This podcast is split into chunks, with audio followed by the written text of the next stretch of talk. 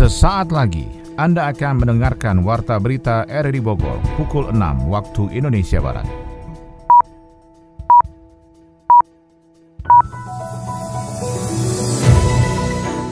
Selamat pagi, salam jumpa. Kami hadir kembali dalam Warta Berita edisi hari ini, Kamis 27 Juli 2023. Informasi ini juga turut disiarkan melalui audio streaming lewat RRI Play dan juga disiarkan lewat Radio Tegak Beriman Kabupaten Bogor, Jawa Barat dan Anda bisa akses di Spotify RRI Bogor. Badan Pengawas Pemilu Bawaslu Kabupaten Bogor merilis daftar nama bakal calon legislatif yang kelengkapan administrasinya bermasalah. Sebuah rumah yang masih berdiri tegak di tengah proyek tol Cijago Depok sempat menyita perhatian publik, sementara BPN setempat mengonfirmasi bahwa permasalahan ganti rugi sudah diselesaikan dengan pihak ahli waris. Dua berita utama tersebut merupakan berita utama kami di edisi pagi ini. Saya Maulana Isnarto, inilah Warta Berita selengkapnya.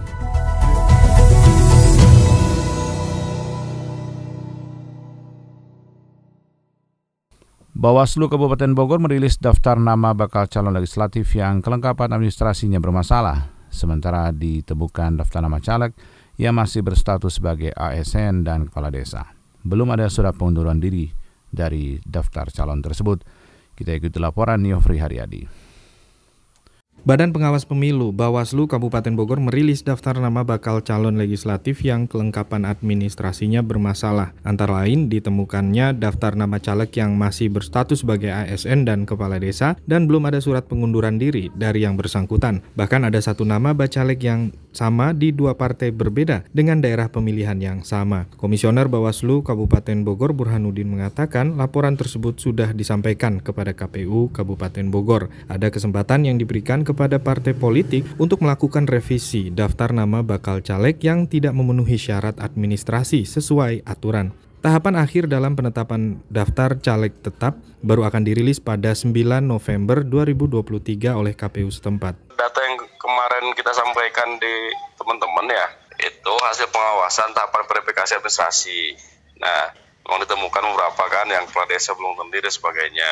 Lalu kita rekomendasikan ke KPU untuk kemudian di cross check beberapa waktu kemudian KPU mengirim surat ke kita e, mereka menyampaikan bahwa mereka sudah apa si caleg-caleg ini hmm. ada kan yeah. kalau pendamping desa kan mereka memang tidak harus mundur ya yeah. karena ada yang sudah memperbaiki gitu kan ditunggu sampai e, masa nanti sebelum DCT karena masih dimungkinkan untuk melakukan perbaikan dari pihak KPU Kabupaten Bogor revisi atau pergantian bacalek tidak serta-merta menjadikan bacalek langsung memenuhi syarat sebelumnya diberikan syarat sebelum diverifikasi ulang oleh KPU sesuai kelayakannya. Akan tetapi, Komisioner Bawaslu Kabupaten Bogor Burhanuddin menambahkan, sebelum penetapan DCT Bacalek nanti, surat pengunduran diri dari Bacalek masih dapat diterima, terutama Bacalek yang masih menjabat sebagai Kepala Desa atau ASN.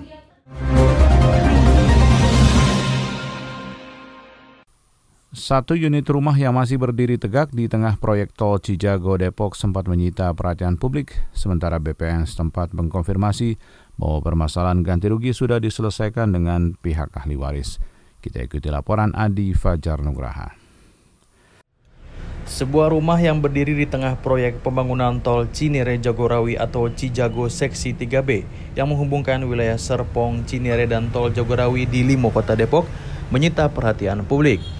Pasalnya, hanya satu rumah saja yang bertahan di tengah proyek strategis nasional itu. Kepala Badan Pertanahan Nasional BPN Kota Depok Indra Gunawan memberi penjelasan terkait rumah yang banyak diperbincangkan tersebut. Indra menjelaskan rumah tersebut sebelumnya memang sempat ada persoalan mengenai klarifikasi dari pihak pemilik rumah baik fisik maupun yuridis. Ia mengatakan selain rumah itu ada tiga rumah lainnya yang sebelumnya belum dibayar dan belum dibongkar. Namun tiga rumah itu sudah dibongkar dan menyisakan satu rumah yang belakangan ini banyak menyita perhatian publik. Ya, yang terakhir kali dibongkar itu sebenarnya memang benar adanya bahwa kemarin ada persoalan di sana sehingga memerlukan uh, klarifikasi baik secara uh, fisik maupun yuridis sehingga membutuhkan waktu. Ada di sana ada terkait juga ada empat masyarakat yaitu uh, Bapak Imam Pain, Bapak Supriyadi, lalu uh, Bapak Sudoyo dan ahli warisnya dan satu. Uh, ya Namun begitu saat ini Indra mengatakan persoalan tersebut sudah diselesaikan dan rumahnya pun telah dibongkar oleh pihak kontraktor. Indra menyampaikan pada Senin 24 Juli 2023, ahli waris pemilik rumah itu sudah mendatangi posko pemberian uang ganti kerugian pengadaan tanah Jalan Tol Cijago yang terletak di Kelurahan Limo, Kecamatan Limo, Kota Depok oleh BPN Kota Depok. Itu membutuhkan waktu uh, dalam rangka penyelesaian. Tapi alhamdulillah pada hari ini telah dilakukan uh, proses pembayaran dan mungkin hari ini juga uh, kontraktor bisa membongkar, melakukan pembongkaran terhadap rumah yang tersisa satu tersebut. Diketahui uang ganti rugi rumah tersebut telah diserahkan kepada pemegang ahli waris atas nama almarhum Hudoyo dengan nomor identitas bidang 274 dan almarhumah Supartini Bambang S dengan NIB 289 dan 289A. Seluruh uang pemberian ganti rugi itu diberikan kepada ahli waris keduanya. Mengenai mekanisme pembayaran, hal itu sepenuhnya dilakukan melalui dana talangan oleh PT Translingkar Kita Jaya. Pantauan terakhir pada Rabu siang, rumah tersebut telah diratakan dengan tanah menggunakan alat berat. Kasus pencabulan anak di Pondok Pesantren kawasan Tanah Sareal, Kota Bogor terus didalami Satreskrim Polresta Bogor Kota dan kini sudah ada dua orang terduga tersangka dalam kasus tersebut. Sony Agung Saputra melaporkan. Kasus pencabulan anak di pondok pesantren kawasan Kecamatan Tanah Sareal Kota Bogor terus mendapat penyidikan dari Satreskrim Polresta Bogor Kota. Sudah ada dua tersangka dalam kasus tersebut berinisial AM dan MMZ yang diduga melakukan pencabulan terhadap anak. Kapolresta Bogor Kota Kombes Pol Bispo Teguh Prakoso mengungkapkan penanganan terhadap kasus ini masih berlangsung dengan adanya pemeriksaan dan pengumpulan alat bukti. Proses pelimpahan ke Kejaksaan Negeri Kota Bogor juga akan berlangsung sehingga kasus tersebut siap untuk disidangkan di Pengadilan Negeri Bogor. Tetapkan sebagai tersangka. Kita tetapkan tersangka, terus berkasnya kita lanjut sampai jaksa dan pengadilan. Tujuannya tidak ada kendala. Kita menunggu informasi dari jaksa. Jika sudah P21 kita akan segera limpahkan. Sejauh ini belum ada informasi korban lain atau sepertinya. Belum ada.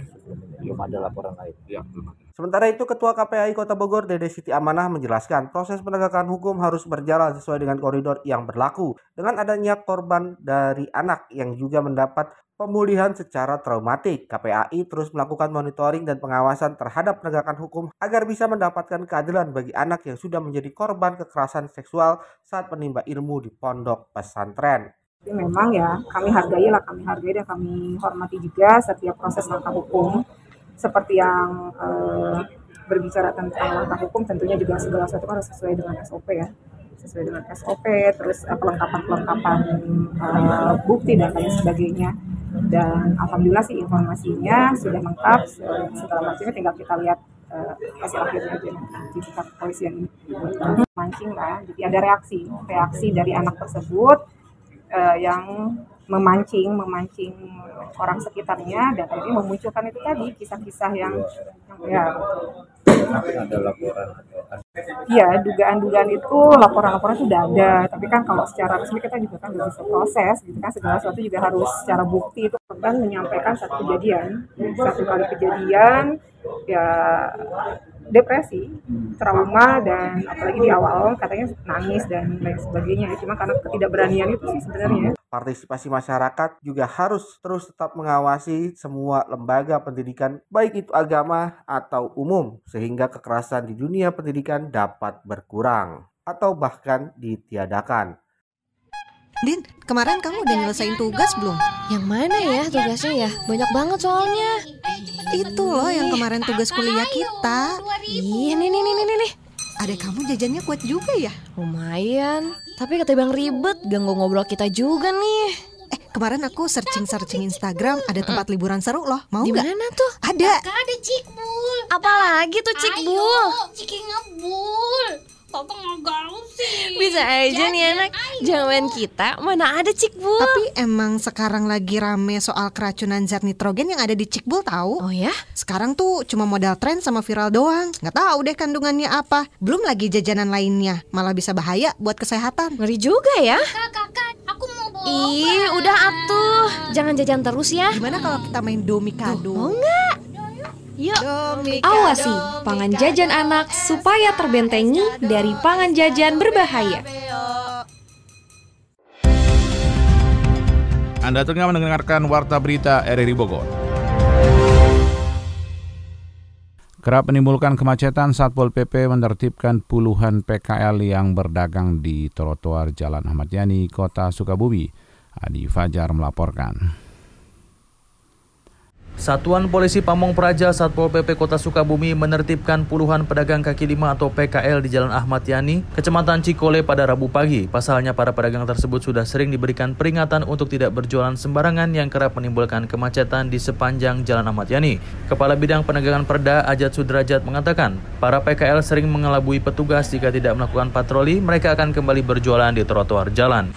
Ya kita ingatkan bahwa pedestrian di Jalan Sudirman ya Artinya bukan kita clear, kita juga menghimbau agar perubahan dari cara berjualan ya dari mulai yang permanen ke semi permanen kita arahkan untuk menggunakan roda dorong.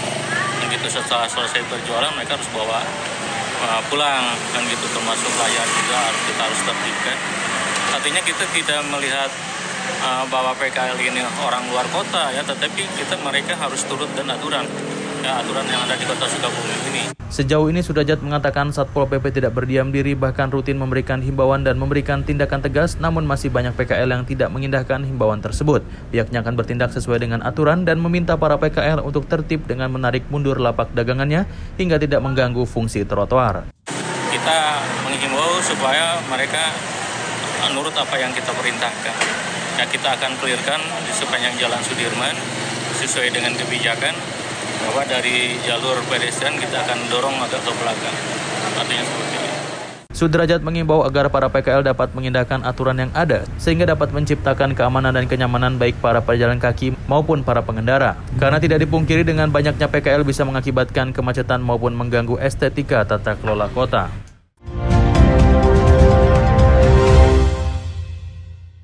Jajaran Lanut Atang Sanjaya Bogor menggelar bakti sosial dalam rangkaian HUT TNI Angkatan Udara ke-76 yang berlangsung di Rumah Sakit Angkatan Udara Hasan Toto Rabu pagi dengan pembagian kursi roda, kaki palsu, operasi katarak, dan bibir sumbing kepada puluhan masyarakat dari Bogor dan sekitarnya. Berikut laporan Sony Agung Saputra. Jajaran Lanut Atang Sanjaya Bogor menggelar bakti sosial dalam rangkaian HUT TNI AU ke-76 di RSAU Hasan Toto Rabu pagi tadi. Dalam agenda itu melakukan pembagian kursi roda, kaki palsu, operasi katarak, dan bibir sumbing kepada puluhan masyarakat dari Bogor dan sekitarnya. Komandan Lanut Atang Sanjaya Marsikal Pertama M. Topik Arsi menjelaskan, kegiatan merupakan bentuk aksi nyata kepedulian jajaran TNI Angkatan Udara kepada masyarakat. TNI Angkatan Udara memberikan bakti sosial ini dengan menggandeng berbagai pihak sehingga turut memberi kebahagiaan kepada masyarakat terutama penyandang disabilitas dengan adanya pembagian kaki palsu dan operasi bibir sumbing dan katarak. TNI Angkatan Udara dengan melaksanakan kegiatan-kegiatan yang langsung bersinggungan dengan masyarakat, langsung membantu apa yang menjadi permasalahan-permasalahan di masyarakat dan kami sedikit tadi berbicara dengan Pak Wali Kota bahwa memang Lanut Tatang Senjaya beradanya di Bogor kami termasuk Porkopimdanya Kota Bogor dan kami termasuk dengan Porkopimda Kabupaten Bogor. Namun untuk berbuat sesuatu terhadap masalah-masalah sosial dan masalah-masalah kemanusiaan tidak ada sistem sonasi Pak. Jadi Alhamdulillah apa penerima manfaat pada hari ini Pak Wali Kota ini ada yang dari Bekasi, ada yang dari Kalimantan Barat karena mendengar di sini ada operasi katarak dikirim langsung sama keluarganya ke sini untuk dioperasi katarak pada pagi ini kemarin sudah dioperasi dan hari ini melaksanakan. Dalam agenda tersebut, Wali Kota Bogor Bima Arya mengatakan saat ini penting untuk membangun kepedulian kepada masyarakat yang membutuhkan bantuan pengobatan. Kepedulian dari berbagai kalangan dan instansi harus lebih bisa fleksibel dengan tidak melihat batas wilayah namun menjadikan manfaat bagi semuanya. Masyarakat yang membutuhkan uluran penanganan kesehatan untuk melanjutkan hidup sehari-hari. Selalu kita ke sini kalau kegiatan-kegiatan kemanusiaan ini kan bukan wilayah wali kota pak. Gitu. Tapi saya nggak takut nanti di apa namanya dicurigai oleh Pak PLT atau Pak Mamur. Ini wali kota Bogor ngapain ke ATS mau kampanye atau apa? Enggak pak. Karena ini persoalan kemanusiaan pak di sini. Gitu. Pak, saya tuh aduh berterima kasih banget ke sini ya. Bolak-balik itu dia diantar Pak. Pak Dandrem ke Cianjur waktu itu ya saking semangatnya waktu itu hampir kita menembus badai, Pak. Untung diingatkan oleh Bu siapa? Waktu itu ya, uh, Bu Estu ya, ya. Diingatkan, Pak, ini kita sih semua keluar siap gitu, tapi cuacanya nggak memungkinkan gitu. Jadi yang menghalangi misi kemanusiaan dari teman-teman angkatan udara ini adalah langit. Only the sky is the limit nggak ada batas jurisdiksi. Gitu. Sementara itu penerima bantuan operasi katarak asal Megamendung Kabupaten Bogor Herman Suyatna mengucapkan terima kasih atas bakti sosial dari TNI AU di Lanut Atang Sanjaya Bogor sehingga ke depan lebih banyak lagi kepedulian dari berbagai pihak untuk masyarakat dalam pengobatan gratis. Dari informasi ekonomi, Gubernur BI Peri Warjio menyambut baik lembaga pemeringkat rating atau Investment Information Incorporation alias RNI yang meningkatkan outlook ekonomi Indonesia yang tadinya di level stabil naik ke level positif. Pada Januari-Juni 2023, industri pengolahan berkontribusi sebesar 27,4 persen terhadap total penerimaan pajak yang mencapai 970,20 triliun rupiah. Kita ikuti selengkapnya info ekonomi bersama Adi Fajar Nugraha. Gubernur Bank Indonesia Peri Warjio menyambut baik lembaga pemeringkat rating dan investment information incorporation alias RNI yang meningkatkan outlook ekonomi Indonesia. Menurut outlook teranyar RNI, Indonesia kini naik level dari stabil ke positif. Selain itu Indonesia mempertahankan peringkat triple B plus alias dua level di atas tingkat terendah investment grade. Sikap RNI ini dilandasi kinerja ekonomi Indonesia yang tetap kuat dengan ketahanan terjaga di tengah ketidakpastian global. Selain itu inflasi dan defisit fiskal Indonesia kembali dalam target lebih cepat dari perkiraan, disertai stabilitas keuangan yang terjaga, serta tren penurunan rasio utang pemerintah. Ini menunjukkan keyakinan kuat pemangku kepentingan internasional atas stabilitas makroekonomi dan prospek ekonomi jangka menengah Indonesia yang tetap terjaga di tengah ketidakpastian ekonomi global dan pasar keuangan yang meningkat. Perry menegaskan kepercayaan global didukung kredibilitas kebijakan yang tinggi dan sinergi bauran kuat antara pemerintah dengan Bank Indonesia. Ia menyebut pihaknya bakal terus mencermati perkembangan ekonomi serta keuangan global dan domestik dalam mengambil langkah lanjutan. Outlook terbaru RNI menunjukkan pertumbuhan ekonomi Indonesia akan tetap solid pada sisa tahun ini, sedangkan pemerintah memproyeksikan pertumbuhan produk domestik bruto atau PDB akan berada pada kisaran 5 hingga 5,3 persen pada 2023. Lalu lembaga internasional itu meramal ekonomi Indonesia akan tumbuh pada kisaran 5 persen untuk tahun 2024 dan beberapa tahun selanjutnya. Industri pengolahan masih menjadi penyumbang terbesar penerimaan pajak. Pada Januari hingga Juni 2023, industri pengolahan berkontribusi sebesar 27,4 persen terhadap total penerimaan pajak yang mencapai 970,20 triliun rupiah. Kementerian Perindustrian terus berupaya mendukung para pelaku industri untuk menjaga produktivitasnya. Seperti disampaikan sebelumnya, Menteri Keuangan Sri Mulyani menyebut penerimaan pajak dari sektor industri pengolahan sedang dalam tren menurun. Juru bicara Kementerian Perindustrian Febri Henry menjelaskan indikator yang menunjukkan positif ialah Purchasing Manager Index atau PMI Manufaktur dan Indeks Kepercayaan Industri atau IKI. Di antaranya lebih dari 40 negara di dunia yang disurvei oleh S&P Global, sekitar 61,9 persen di antaranya mengalami kontraksi yang ditunjukkan oleh PMI di bawah 50. Berdasarkan laporan S&P Global, ekspansi sektor industri manufaktur Indonesia yang cukup tinggi dari 50.3 pada Mei 2023 menjadi 52.5 di bulan Juni Juni didorong oleh peningkatan pada permintaan baru. Ini mengakibatkan kenaikan produksi yang juga turut berdampak pada bertambahnya jumlah tenaga kerja. Indikator ini juga sejalan dengan indeks kepercayaan industri yang dirilis oleh Kemenprin. Pada Juni 2023, IKI mencapai 53.93 atau meningkat 3,03 poin dibandingkan Mei 2023.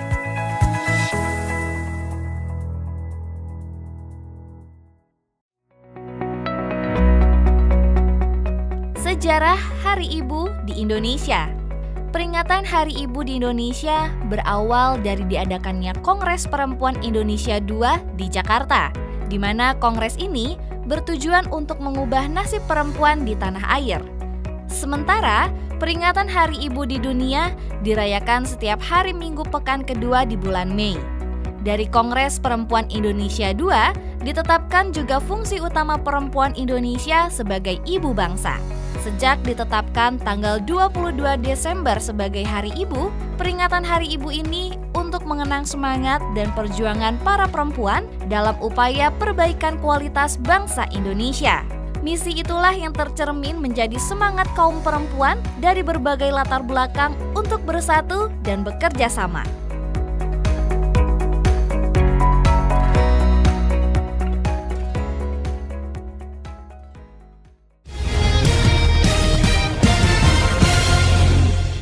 Dari dunia olahraga, empat atlet binaan Ikatan Olahraga Nasional Indonesia Kabupaten Bogor bersiap mengikuti babak kualifikasi Pekan Olahraga Nasional 2023 cabang olahraga dance sport yang akan berlangsung di Sleman City Hall 1 hingga 3 September mendatang.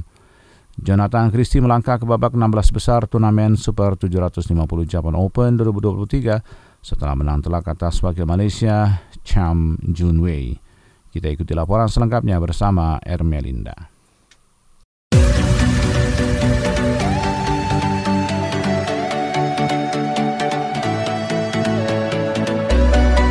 DI Yogyakarta dipercaya menjadi tuan rumah babak kualifikasi Pekan Olahraga Nasional PON 2023 cabang olahraga dan sport di bawah pengurus daerah Pengda Ikatan Olahraga dan Sport Indonesia IOD DIY. Ajang BK PON dan Sport kali ini akan berlangsung di Sleman City Hall pada tanggal 1 hingga 3 September 2023 mendatang. IOD Kabupaten Bogor pun ikut bersiap. Empat atlet binaan Ikatan Olahraga Dansa Indonesia IOD Kabupaten Bogor yang masuk dalam tim pemusatan latihan daerah Pelatda Dansa Jawa Barat salah satunya adalah Nindi. Dalam persiapannya menjelang mengikuti BK PON 2024, Nindi mempersiapkan fisik secara baik karena menurut Nindi kali ini lawan-lawannya cukup tangguh seperti Bali dan Yogyakarta itu sendiri. Kali ini Nindi ingin memberikan penampilan terbaiknya sebagai salah satu harapannya agar bisa membawa nama Kabupaten Bogor ke kancah nasional Kalau lawan mungkin ada yang dari Bali, Yogyakarta, uh, Jawa Tengah, mungkin kak. Kalau persiapan menjelang BKPON kita udah mulai latihan lagi. Kalau untuk turunnya mungkin akan turun di Rising Start dan Free Fall or. Harapannya bisa menjadi yang terbaik. Jawa Barat akan masuk dalam zona C, juga Sulawesi Selatan dan Kalimantan Selatan, juga Sulawesi Utara dan Riau. Dari ajang BK PON tahun ini akan ada sekitar 240 atlet yang berhak tampil di ajang kejuaraan olahraga 4 tahunan tersebut. Sementara itu, Dori Sundari Ketua IO di Kabupaten Bogor mengatakan program pembinaan sebelumnya terus dimantapkan bagi keempat atletnya yang akan turun di BK PON, baik secara fisik maupun mental. Perlombaan yang harus dihadapi juga kami kesehariannya, Kak kesehariannya mereka memang benar-benar harus disiplin sesuai dengan aturan yang akan yang kita berlakukan. Nah, salah satunya mental adalah kita mengikuti kejuaraan. Itu salah satu cara untuk kita bisa menguatkan mental, lebih percaya diri menghadapi lawan-lawan kita, menghadapi rival di lapangan sedemikian rupa. Uh, Alhamdulillah, mudah-mudahan ini bisa terus uh, apa ya tersajikan dengan baik. Selain performance kita, kebugaran kita, itu teknik gerak karena uh, dance sport ini memang olahraga yang unik ya. Bukan hanya nari begitu saja, tetapi bagaimana teknik gerak stamina kak karena kita turun itu uh, satu menit 30 detik itu kali berapa bar seperti itu ya berarti hal-hal seperti itu. Kalau daya tahan tubuh seperti iya itu stamina itu. Stamina betul-betul harus kita jaga. Dengan menggunakan high heel dengan menggunakan pakaian yang sedemikian rupa menjaga make up gitu kan? Pada saat di lapangan bagaimana make up itu tetap bisa terjaga body language dia gitu. Kemudian daya pandang mata satu sama lain. Kalau kapal itu kan berarti ada ada mata di situ ya. Untuk saat ini 30 kuota atlet sudah dialokasikan untuk tim tuan rumah Aceh dan 30 kuota atlet untuk tuan rumah Sumut sehingga kuota yang diperbutkan untuk daerah lain di BKPON di tiga zona nanti tinggal tersisa 180 atlet saja. Dalam BKPON yang diikuti 19 provinsi Indonesia ini akan melombakan 21 nomor yang berbeda. Jonathan Christie menang telak atas wakil Malaysia di babak 32 besar Japan Open 2023. Jonathan Christie menang dua game langsung dengan skor telak 2-1-7 dan 2-1-9 dalam waktu 28 menit saja. Dengan hasil tersebut, Jonathan melangkah ke babak 16 besar turnamen Super 750 itu. Selanjutnya ia akan berjumpa dengan pemenang antara Weng Hong Yang dari Cina kontra utusan India. Berlaga di Yoyogi National Stadium Tokyo, Jepang pada hari Rabu siang waktu Indonesia Barat, Jojo sapaan Jonathan langsung tancap gas menyerang sejak awal pertandingan. Ia dengan mudah menembus pertahanan lawan dengan serangannya untuk memimpin 6-0. Tanpa kesulitan berarti pemain ranking 9 dunia itu terus menambah perolehan poinnya menjadi 9-0. Meski sempat tertahan di angka 9 dan 10, akhirnya ia bisa menutup interval game pertama dengan keunggulan 11-4. Pada game kedua Jonathan kembali mendominasi. Walau sempat imbang di angka 22, ia berhasil mendapatkan 9 poin tambahan untuk memimpin dengan skor 11 2 saat interval. Permainan net ciamik dari pemain berusia 25 tahun itu membuat pemain dari Malaysia kesulitan untuk mengembalikan bola dengan baik. Alhasil Jojo dengan nyaman menambah perolehan poin yang menjadi 17-5. Poin demi poin didapat oleh juara Indonesia Masters 2023 itu dengan mudah. Ia pun mengunci kemenangannya di game kedua dengan skor telak 2-1-9.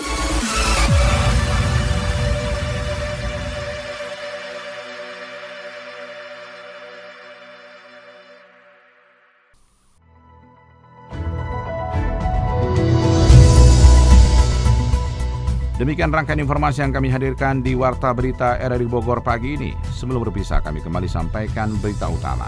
Badan Pengawas Pemilu Bawaslu Kabupaten Bogor merilis daftar nama bakal calon legislatif yang kelengkapan administrasinya bermasalah. Sebuah rumah yang masih berdiri tegak di tengah proyek tol Cijago Depok sempat menyita perhatian publik, sementara BPN setempat mengkonfirmasi bahwa permasalahan ganti rugi sudah diselesaikan dengan pihak ahli waris. Saya Molanes Narto bersama tim yang bertugas pada hari ini mengucapkan terima kasih atas perhatian Anda. Selamat pagi dan sampai jumpa.